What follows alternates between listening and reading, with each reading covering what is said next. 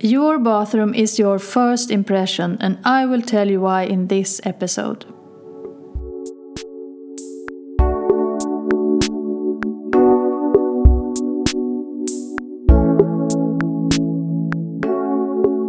You're listening to Design a Simple Life with me, Ylva Jansson, and I am here to inspire you into a simple life and lifestyle I made a long journey decluttered my home and life, so I know the wonderful feeling of having a clutter free life. And I'm here to show you how to get there too. Welcome to my channel and don't forget to subscribe if you like what I share in my podcast. Today I have a very special thing to tell you that I have been working on for a while, and it's a new course. And it's a course of how to take control over your home simplify your life, and get the most out of it. And my question for you today is if you would like to be my founding member. As a founding member, you will be in from the ground floor and you will get all updates for free every time I launch the course again.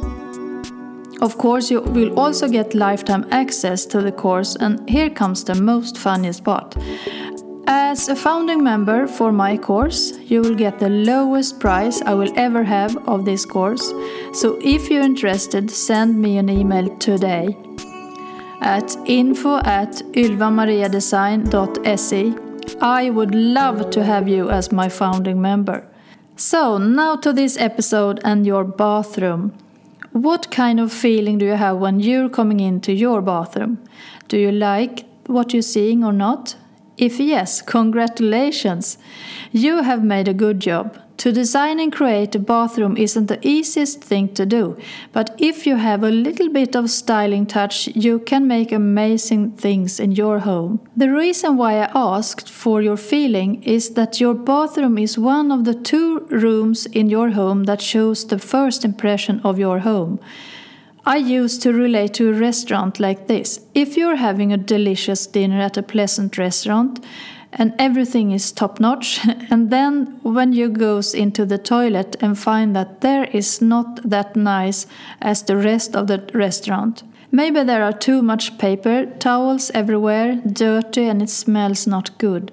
I think you will get a negative impression of that toilet room and then you might have a feeling that you don't want to go to that restaurant again because of the dirty and awkward toilet.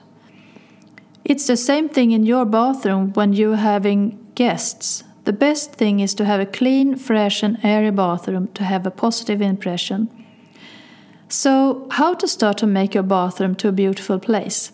I think you know me by now, and know what I'm going to say. Yes, of course. The first thing is to declutter. And now I will give you some advice. Take a paper bag or a box and go to your bathroom. Open your bathroom cabinet and take everything out. I mean, everything. Put it on the floor if you haven't any bench or something like that. And look for all empty bottles and put them in your trash bag or your box. Take a look at everything if there is something which is old. Look at the dates and then remove everything old. And now it's time to sort your stuff in categories shampoos, mascaras, soaps, brushes, and so on. And when you're ready with all that sorting, you have to take a pile and see how much it is. Do you need all of them? Do you need four shampoos or five mascaras? I believe you don't need everything you have in, in the cabinet. You can give all things you don't need to a friend or just put them in small boxes. If you're the kind of person who wants to buy things on sale and then save it to the time you need it, maybe it's already old when you need it. So try my philosophy and don't buy more than you know you're using for your daily basis. It's so much better to buy new fresh cosmetics products when your bottle is empty and you also save space in your cabinet. That's good, right? So now when you have sort all your stuff you have in the cabinet and put everything you don't want to save in the paper bag, it's time to clean your cabinet. I always suggest organic products. It's best for you and the environment as well. I have made my own cleaning product in a spray bottle with vinegar, washing liquid, and water. It works so fine, and I also use that for every cleaning everywhere in my home, from my windows to the toilets and everywhere. And my recipe is one or two cups of vinegar, four cups water, and five drops washing liquid, and then shake it all together. I use an old vinegar bottle with an old spray from another empty bottle, and that's my recycling thinking. Wipe your cabinet clean then and put your products back, and now you should have more space left. That's so good for the energy in, in your bathroom. And you have more things in your bathroom, right? Towels, bathrobes, and maybe something else. So let's talk about the towels. I suggest you to get rid of all which is not fresh and the ones with holes and just save the fresh ones.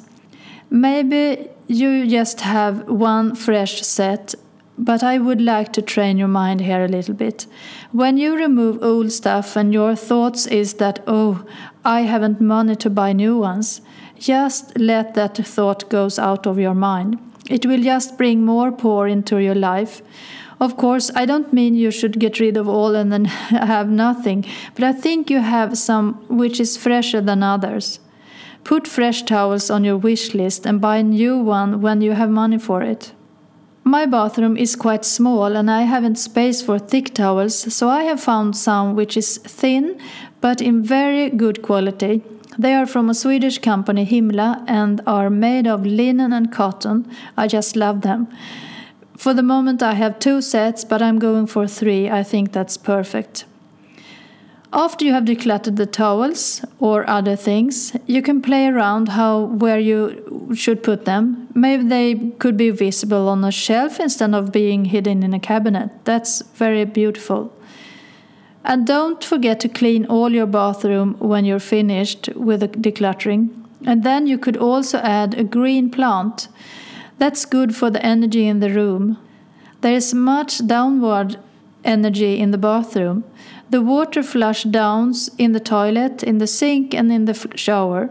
So to avoid that, a plant is perfect because that element have upward energy. All plants and flowers grow upwards and therefore their energy goes up. So now it's time to add some fresh essential oils as well. Use an aromatherapy lamp and you will get a fresh and also very cozy impression of your bathroom.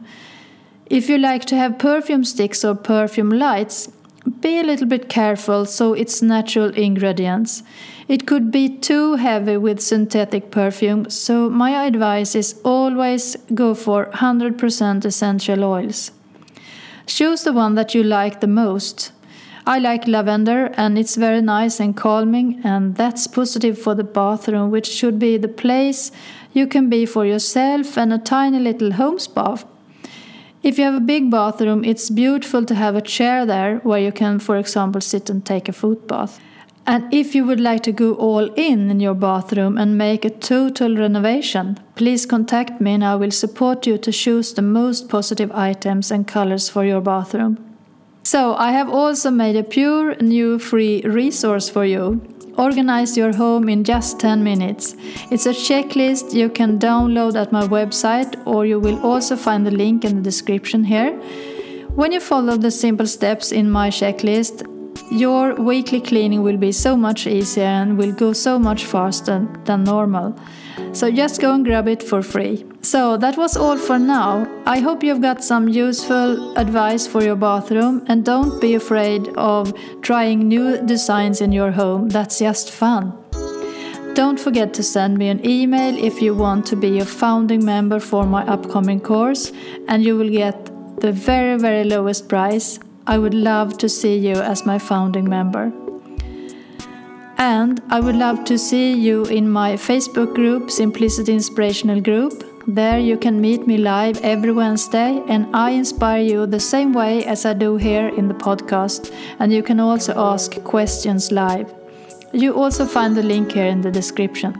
If you like what I'm sharing here in my podcast, Design the Simple Life, just subscribe and you will get notifications when a new episode will be uploaded. And don't forget to share it with your friends. Have a lovely day and see you next week.